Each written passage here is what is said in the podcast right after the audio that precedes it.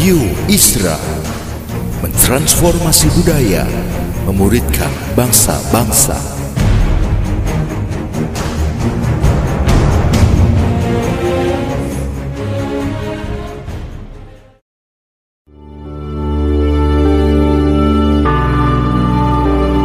Apostolic Prophetic Messages mengungkapkan pesan dan arahan dari hati Tuhan bagi gerejanya demi menuntaskan mandat kerajaan Allah di Indonesia dan bangsa-bangsa. Selamat mendengarkan.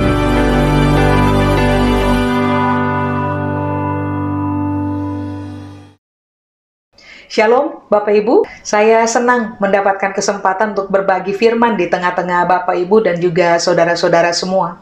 Saya berdoa kiranya saudara semua berada dalam keadaan baik, sehat, dan juga sejahtera. Amin. Mari sebelum kita dengarkan firman Tuhan, saya ajak Bapak dan Ibu untuk kita berdoa terlebih dahulu. Tuhan Yesus kami tahu Tuhan ada bersama dengan kami. Itulah sebabnya kami berdoa kiranya Tuhan berbicara buat kami dari firman. Roh Kudus bantu kami supaya kami mudah memahami firman Tuhan sehingga dalam hidup kami tiap-tiap hari kami berani memutuskan untuk taat kepada firman Tuhan. Sementara kami belajar, Tuhan memberkati kami, buat Tuhan seluruh kemuliaan. Di dalam nama Yesus kami berdoa. Amin. Amin. Baik, kalau saudara sudah siap untuk belajar bersama, mari saya undang Bapak dan Ibu untuk buka dengan saya dalam Lukas pasal yang pertama. Lukas pasal yang pertama, ayat 28 sampai dengan ayat 35, Bapak Ibu. Lalu nanti saya akan lompat dari ayat 37 sampai dengan ayat 38. Nah, kalau saudara sudah siap, mari saya baca. Lukas pasal pertama, kita mulai dengan ayat 28. Ketika malaikat itu masuk ke rumah Maria, ia berkata, Salam, hai engkau yang dikaruniai, Tuhan menyertai engkau. Maria terkejut mendengar perkataan itu, lalu bertanya dalam hatinya, apakah arti salam itu?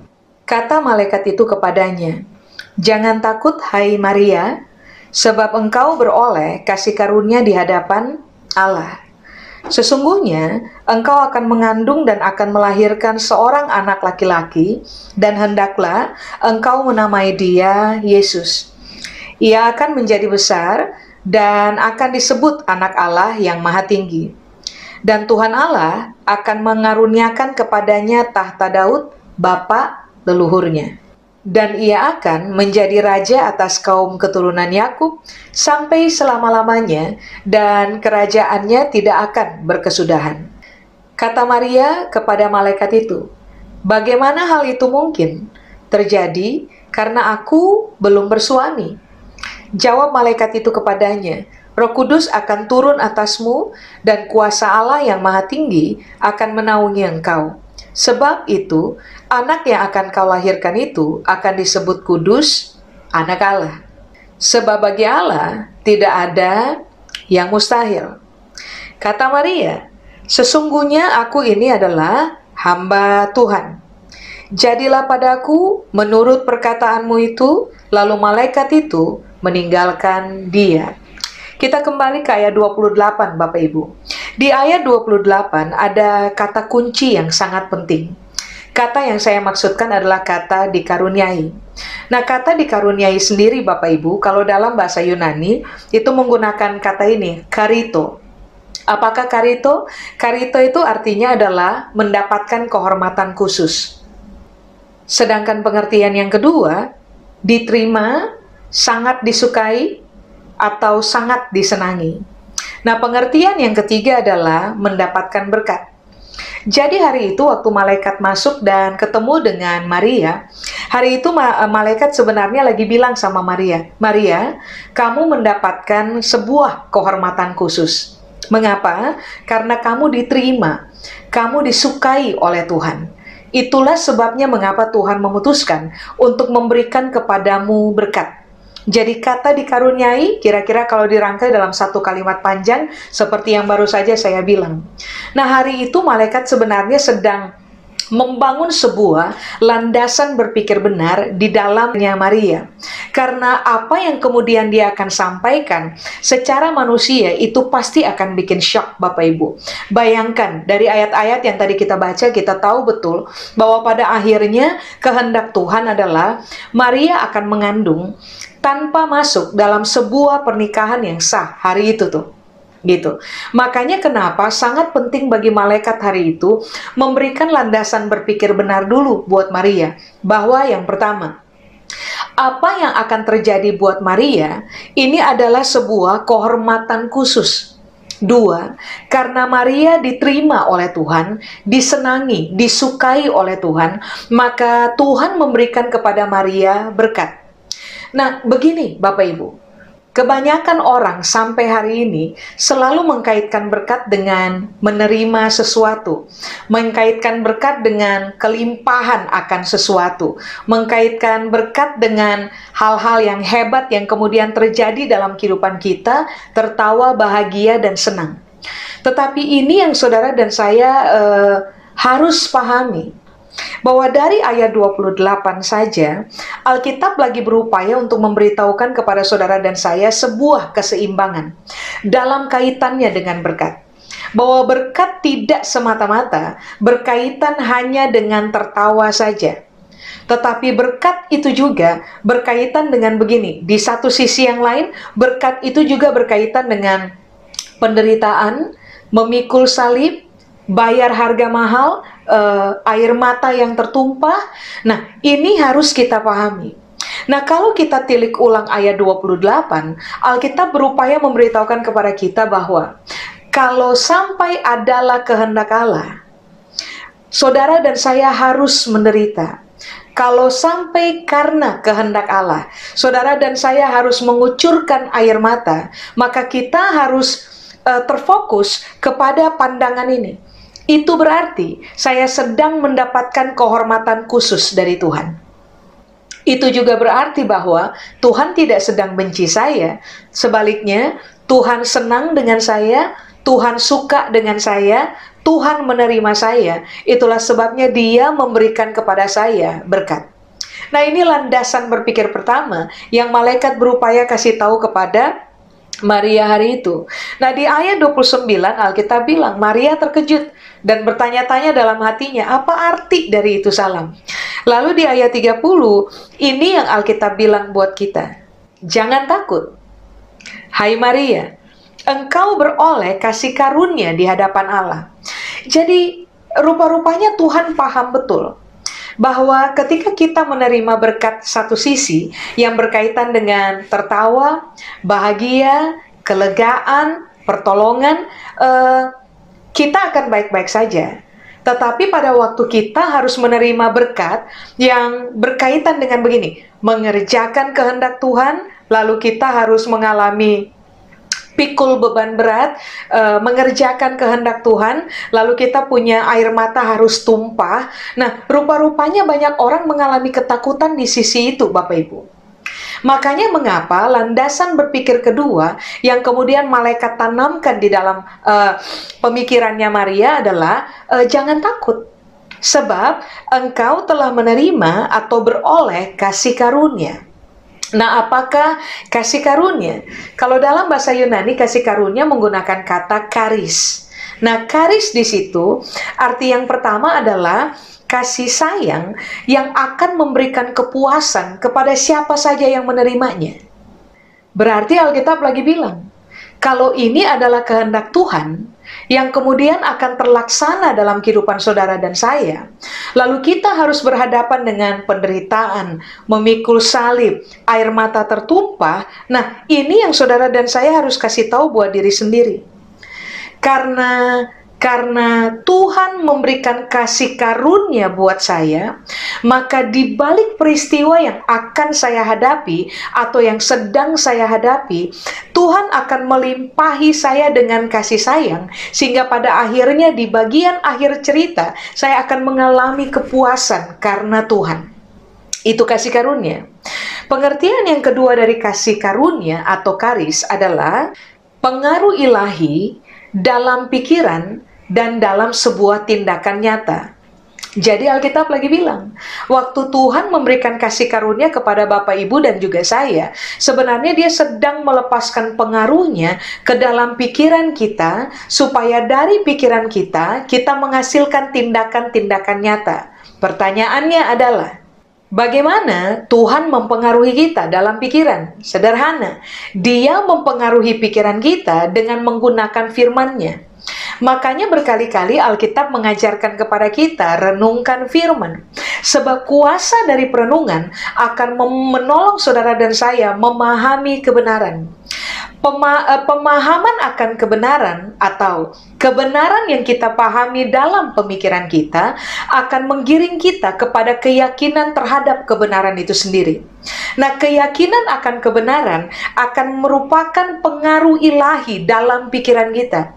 Sehingga pada akhirnya secara natural Bapak Ibu dan saya akan menghasilkan tindakan-tindakan benar yang sangat nyata dalam kehidupan. Nah, waktu itu terjadi sebenarnya kasih karunia Tuhan sedang bekerja dalam hidup saudara dan saya. Amin. Nah, pengertian dari kasih karunia yang ketiga adalah ini, Pak Ibu. Bantuan, pemberian, manfaat, kegembiraan. Jadi Alkitab bilang, bahwa waktu orang menerima kasih karunia, mereka akan menerima kasih sayang dari Tuhan sampai mereka mengalami kepuasan. Waktu orang menerima kasih karunia, saya ulang ya, orang akan mengalami keadaan di mana Tuhan melepaskan pengaruh firman-Nya, mempengaruhi cara kita berpikir, sehingga di dalam pemahaman dan keyakinan kita berani menghasilkan tindakan-tindakan benar yang sangat nyata. Tetapi waktu saudara dan saya menerima kasih karunia, ternyata karis itu artinya adalah begini, saudara dan saya menerima bantuan dari Tuhan. Saudara dan saya menerima pemberian-pemberian yang nantinya akan bermanfaat untuk kehidupan kita, lalu saudara dan saya akan bergembira. Berarti ini yang malaikat lagi bilang kalau toh nanti kehendak Tuhan terlaksana dalam kamu punya kehidupan, Mar, lalu kemudian kamu harus mengalami kesusahan karena sedang ada pada posisi mengerjakan kehendak Tuhan. Kamu punya air mata tertumpah, kamu mengalami penderitaan begitu rupa, yang Mar harus ingat adalah begini, Tuhan akan tetap melepaskan kasih sayang supaya di balik penderitaan Maria mengalami kepuasan. Maria punya pemikiran akan sangat dikuasai oleh kebenaran, sehingga pada akhirnya Maria akan memilih untuk bersetuju dengan kebenaran. Waktu Maria mengerjakan kehendak Tuhan yang berkaitan dengan penderitaan ini, ini yang malaikat bilang, Tuhan akan memberikan bantuan kepada Maria, Tuhan akan memberikan pemberian-pemberian yang pada akhirnya mempertemukan Maria dengan manfaat, lalu Maria akan mengalami kegembiraan. Nah, itu makna dari engkau telah beroleh kasih karunia dari Tuhan. Makanya mari saya ulang Bapak Ibu. Kalau toh waktu kita mengerjakan kehendak Tuhan, lalu saudara dan saya harus ulang, menderita karenanya, Alkitab bilang gini, nggak usah takut. Kenapa kita nggak usah takut? Sebab pada akhirnya ini yang Alkitab bilang, Tuhan akan bantu kita. Tuhan akan memberikan pemberian-pemberian menolong kita. Dia akan memberikan kepada kita manfaat dari ketaatan kita mengerjakan kehendak Tuhan sampai pada akhirnya Bapak Ibu Saudara dan juga saya akan menikmati kegembiraan karena kita akhirnya menemukan kita sedang berjalan di dalam kehendak Tuhan dan berhasil mengerjakan kehendak Tuhan. Nah, ini yang saudara dan saya harus bangun dalam landasan berpikir kita bahwa kalau toh kita menderita karena kita hidup dalam kebenaran, kalau toh kita menderita karena kita sedang mengerjakan kehendak Tuhan, maka nggak usah takut. Sebab Tuhan berpihak kepada kita. Amin. Nah mari, sebelum kita baca ayat-ayat berlanjut, saya undang saudara untuk buka dulu dengan saya dalam Filipi pasal 1, mari saya baca ayat 29.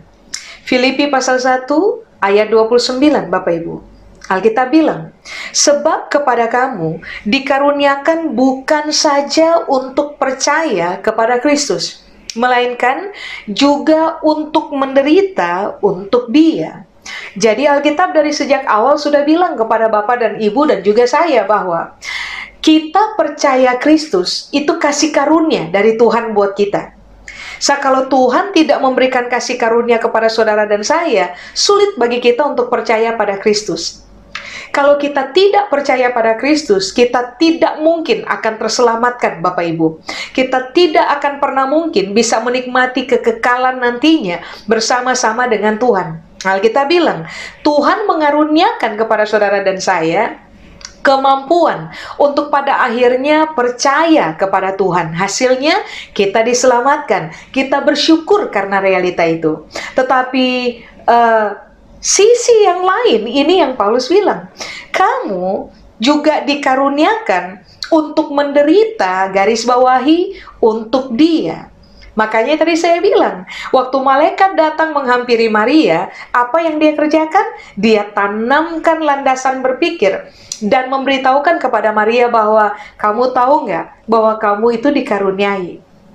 Maria tahu nggak bahwa Maria menerima kasih karunia Tuhan yang ujung-ujungnya nanti kita tahu dia akan menjalani penderitaan.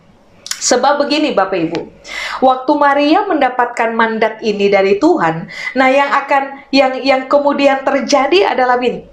Maria terancam akan mengalami kehilangan nyawa.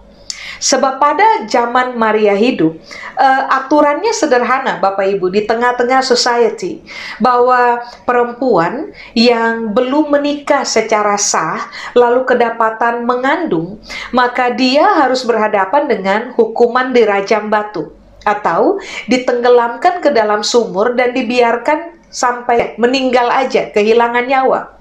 Nah, Maria tahu betul bahwa ini adalah konsekuensi sosial yang harus dihadapi. Makanya kenapa dia bilang, bagaimana mungkin hal itu terjadi kepada saya karena saya belum bersuami. Sudah? Nah, lalu kemudian ini yang Alkitab ajar di ayat 37. Di ayat 37, malaikat menanamkan landasan berpikir yang ketiga. Sebab bagi Allah tidak ada yang mustahil. Ingat, yang pertama tadi malaikat bilang, kamu dikaruniai. Dua, kamu beroleh kasih karunia dari Tuhan. Kamu ndak usah takut. Waktu hadapi penderitaan, kerjakan kehendak Tuhan, Mar, ndak usah takut. Tuhan kasih bantuan. Tuhan akan memberikan pemberian-pemberian yang mendatangkan manfaat supaya pada akhirnya kamu akan bergembira setelah kamu mengerjakan kehendak Tuhan. Lalu Maria di dalam keterbatasan berpikirnya, untuk memahami logika berpikir Tuhan yang tidak terbatas, Maria mengajukan pertanyaan ini. Bagaimana mungkin saya belum bersuami? Lalu kemudian Alkitab bilang, malaikat bilang, bagi Allah nggak ada yang mustahil. Begini Bapak Ibu, kata mustahil di situ itu menggunakan kata Yunani adinateo. Adinateo atau mustahil itu artinya adalah ini, tidak memiliki kekuatan, tidak memiliki kuasa, tidak memiliki kemampuan, lemah, dan tidak bisa menyelesaikan apa saja. Ulang ya, kata mustahil. Alkitab bilang, nggak memiliki kekuatan, nggak memiliki kuasa, nggak memiliki kemampuan, ada pada posisi lemah, dan tidak mampu untuk menyelesaikan apa saja. Itu mustahil. Tapi malaikat bilang, bagi Allah tidak ada yang mustahil. Berarti ya malaikat lagi bilang, tahu nggak bahwa Tuhan itu memiliki kekuatan. Dia juga memiliki kuasa. Dia juga memiliki kemampuan. Nah, Tuhan bukan pribadi yang lemah. Apa saja yang dia mulai, dia bisa menyelesaikannya. Nah, karena kebenaran ini penting, makanya tadi saya bilang kepada Bapak dan Ibu, Malaikat harus menanamkan ini betul dalam landasan berpikir Maria. Karena Maria akan menjalani hari-hari penuh dengan pergumulan ke depan. Maria harus masuk dalam kehendak inti Tuhan dan di dalam kehendak inti itu dia akan bertemu dengan yang namanya penderitaan. Nah, begini Bapak Ibu. Kalau Bapak Ibu Saudara dan juga saya membangun kehidupan dengan landasan berpikir yang sama, maka kita akan menjadi pribadi-pribadi yang sangat teruji uh, untuk begini. berani hidup dalam kehendak Tuhan, whatever takes. Apa pun yang terjadi, kalau toh harus menderita karena mengerjakan kehendak Tuhan, saudara dan saya akan berani menghadapinya. Ketakutan akan menyingkir dari kita. Mengapa kita tidak akan takut mengerjakan kehendak Tuhan yang ternyata akan mempertemukan kita dengan bayar harga mahal, pikul beban berat, terkurasnya air mata, Sebab kita sudah tahu, seperti Maria dikaruniai, kita pun dikaruniai. Seperti Maria menerima kasih karunia, kita pun menerima kasih karunia.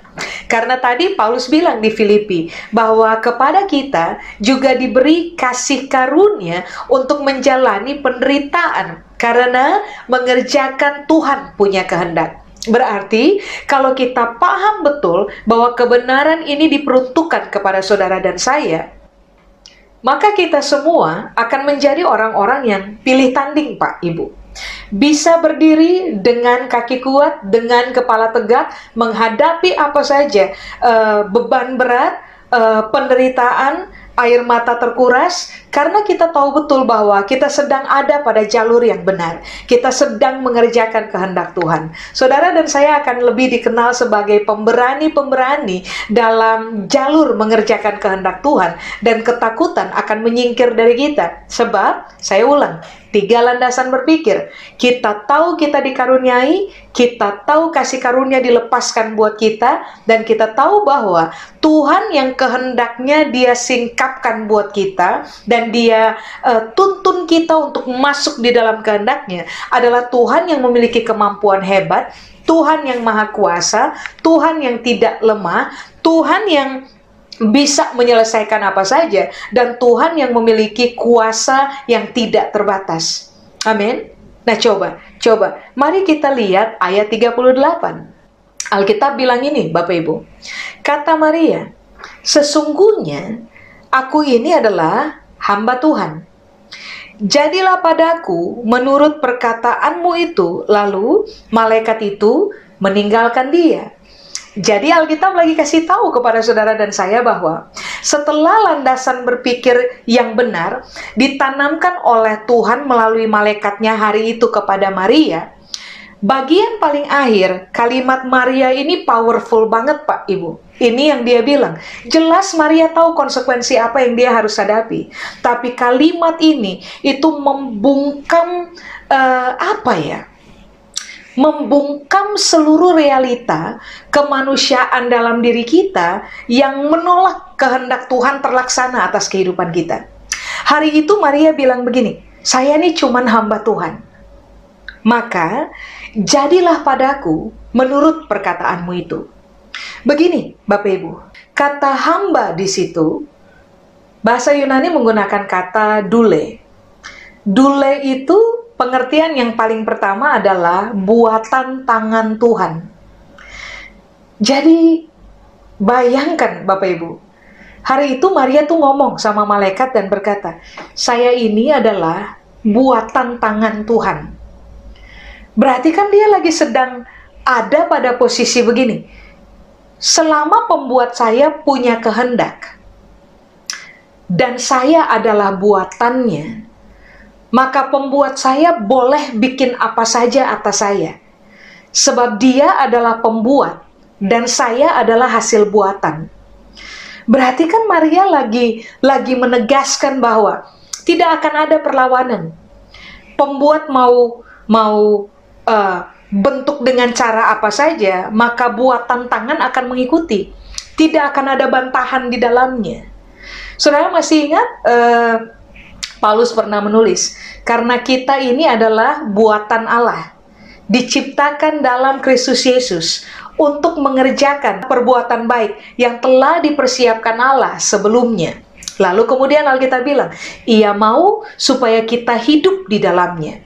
Nah, itu kan berselaras ada sebuah benang merah yang Alkitab berupaya beritahukan kepada kita bahwa begini, karena kita ini buatan Allah, maka seharusnya seluruh kehendak Tuhan itu kita biarkan terlaksana dalam kehidupan kita tanpa bantahan dari pihak kita, Pak Ibu. Nah, persoalan dari kebanyakan orang adalah begini, Bapak Ibu. kita suka menerima berkat. Ingat, malaikat tadi bilang sama Maria, "Kamu dikaruniai." Artinya, kamu mendapatkan berkat. Tetapi alih-alih itu bukan berkat yang mendatangkan tertawa dari awal sampai akhir, tetapi berkat yang di awalnya itu dimulai dengan ratapan, pergumulan, harus menjadi seorang yang melarikan diri, musafir. Itu kan hal-hal berat yang Maria harus hadapi, Bapak Ibu. Coba pertimbangkan, yang Maria alami itu nggak mudah tetapi ini yang dia bilang bahwa kehendak Tuhan itu jauh lebih penting. Dia pembuat, saya cuma buatan tangannya dia gitu. Paulus bilang hal yang sama. Kita dibuatan Allah, kita dipersiapkan untuk kerjakan Tuhan punya kehendak. Kita nggak bisa hanya bersetuju dengan kehendak Tuhan, menerima berkat yang bikin kita tertawa saja. Tetapi saudara dan saya harus sangat berani berkata kepada Tuhan, kalau kehendak Tuhan adalah saya harus pikul salib. Saya harus pikul beban berat. Saya harus menjalani penderitaan. Saya harus bayar harga mahal. Saya harus mengalami terkurasnya air mata. So be it. Kenapa? Karena saya cuman buatan tangan. Tuhan pembuat, dan saya adalah hasil buatan. Saya tidak akan bantah, saya tidak akan lakukan pemberontakan atau perlawanan. Saya akan ikuti saja. Tuhan mau arahkan ke mana, saya ikut. Amin. Kira-kira itu yang Maria bilang. Nah, Bapak Ibu, kata hamba, dule, pengertian yang kedua adalah budak perempuan. Tiga, orang yang terikat. Empat, orang yang memberi diri untuk mengerjakan kehendak orang lain yang dilayani. Jadi coba perhatikan. Maria hari itu lagi bilang, saya cuma buat tantangan. Tuhan mau ngapain aja untuk hidup saya mainkan. Satu. Dua, dia bilang, saya ini budak perempuan yang sudah terikat kepada Tuhan. Saya memberi diri saya untuk mengerjakan kehendak Tuhan yang saya layani. Jadi coba saudara perhatikan, Ketaatan Maria tidak terjadi karena terpaksa. Ketaatan Maria itu dimotori oleh kesadaran akan kebenaran karena landasan berpikir benar telah terbangun dalam kehidupannya Maria. Makanya mengapa dia berani berkata, saya cuma hamba. Apa pun yang Tuhan perkatakan, ayat 38, jadilah padaku menurut perkataanmu itu. Lalu begini, kata perkataan di situ Bapak Ibu, kalau dalam bahasa Yunani menggunakan kata rema. Rema itu artinya adalah suara apa pun yang dihasilkan oleh suara tersebut dan memiliki arti eh, yang pasti. Dua, rema artinya adalah pernyataan pikiran seseorang yang diucapkan dalam kalimat. Berarti rema itu berkaitan dengan dua hal, sebuah kepastian dari isi berpikir. Jadi Maria lagi bilang sama Tuhan, isi berpikir Tuhan itu pasti. Karena ini udah pasti, saya nggak bisa bantah.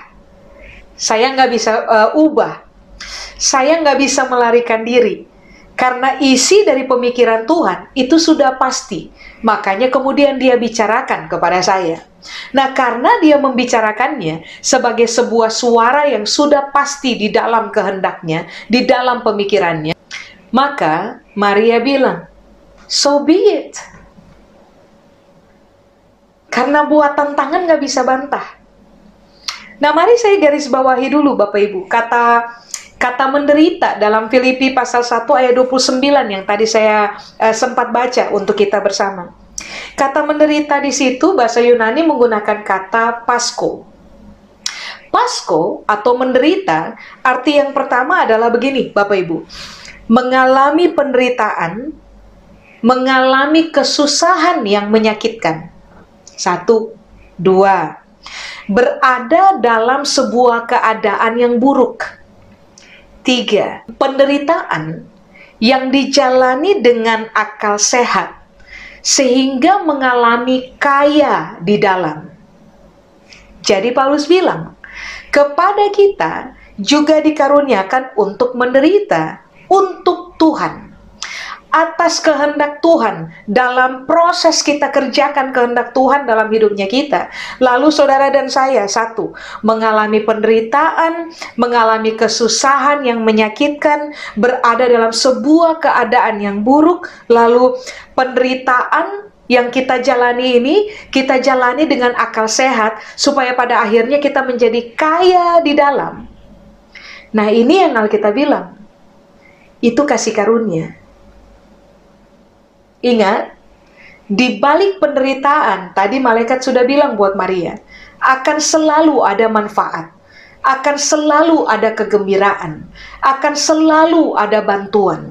Gak usah takut Pak Ibu. Selama ini adalah kehendak Tuhan, apa pun itu.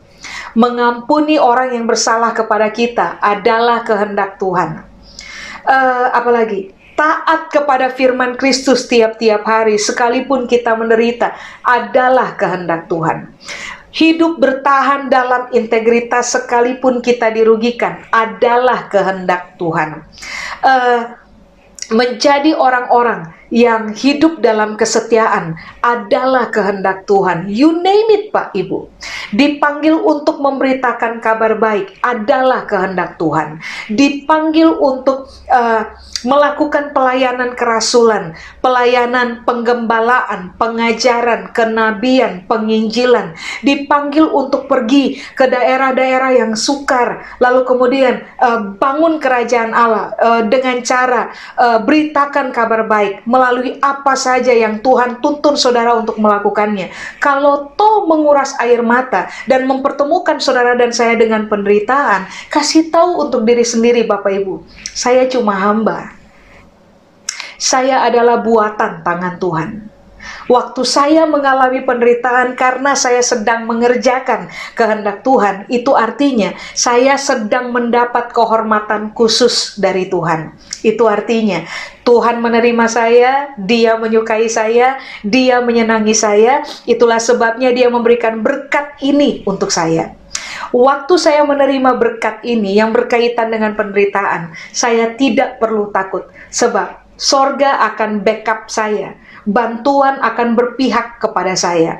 Saya sebagai hamba akan ikuti saja Tuhan maunya bagaimana. Sehingga pada akhirnya totalitas dari seluruh kehendak Tuhan itu berlaku mutlak atas kehidupan saudara dan saya. Dan ingat ini baik, di bagian akhir, waktu kita selesai mengerjakan kehendak Tuhan, kitalah yang tertawa Bapak Ibu, sebagai ganti dari semua air mata yang telah kita tabur, kita akan menuai dengan sukacita.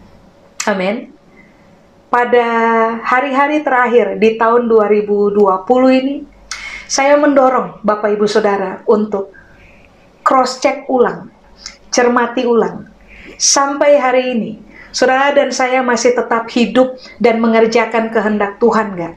Atau jangan-jangan karena kehendak Tuhan menuntun kita kepada uh, pikul beban yang berat, menguras air mata, kita harus menjalani penderitaan. Dan kita capek dengan hal itu, lalu kita memilih untuk back off, meninggalkan kehendak Tuhan dalam kehidupan. Saya mendorong Bapak dan Ibu untuk mari. Kembali kepada posisi menjadi hamba sekali lagi. Hamba perempuan, hamba laki-laki yang terikat dengan kehendak Tuhan, lalu memberi diri secara rela untuk mengerjakan kehendak Tuhan, sebab kita tahu betul bahwa kita cuma buatan tangan dan Tuhan adalah pembuat. Kita tidak akan memberontak kepada tuntunan Tuhan, kita tidak akan memberontak kepada kehendak Tuhan dalam kehidupan kita. Kita akan mengerjakannya di dalam seluruh kesetiaan dan pengabdian, supaya pada akhirnya, ketika kehendak Tuhan yang mutlak terlaksana dalam kehidupan kita, akan bersuka cita dan orang lain akan mendapatkan manfaatnya Bapak Ibu. Amin. Saudara bayangkan, karena ketaatan seorang Maria yang telah memiliki landasan berpikir benar, Yesus lahir. Karena Yesus lahir, karya penyelamatan akhirnya terlaksana. Waktu karya penyelamatan terlaksana sempurna, saudara dan saya yang menikmati hasil hari ini Bayangkan, kalau hari itu Maria tidak mengambil posisi sebagai seorang hamba yang menyadari betul kasih karunia Tuhan, berani menjalani penderitaan, maka hari ini saudara dan saya tidak akan pernah ada. Baiklah kita mencermati keteladanan ini, belajar daripadanya, lalu kemudian melatih diri untuk taat, supaya pada akhirnya, waktu saudara dan saya berhasil mengerjakan kehendak Tuhan, kitalah yang tertawa di bagian akhir. Amin. Baik, saya selesai, Bapak Ibu. Saya undang kita untuk berdoa. Kami berdoa, Tuhan.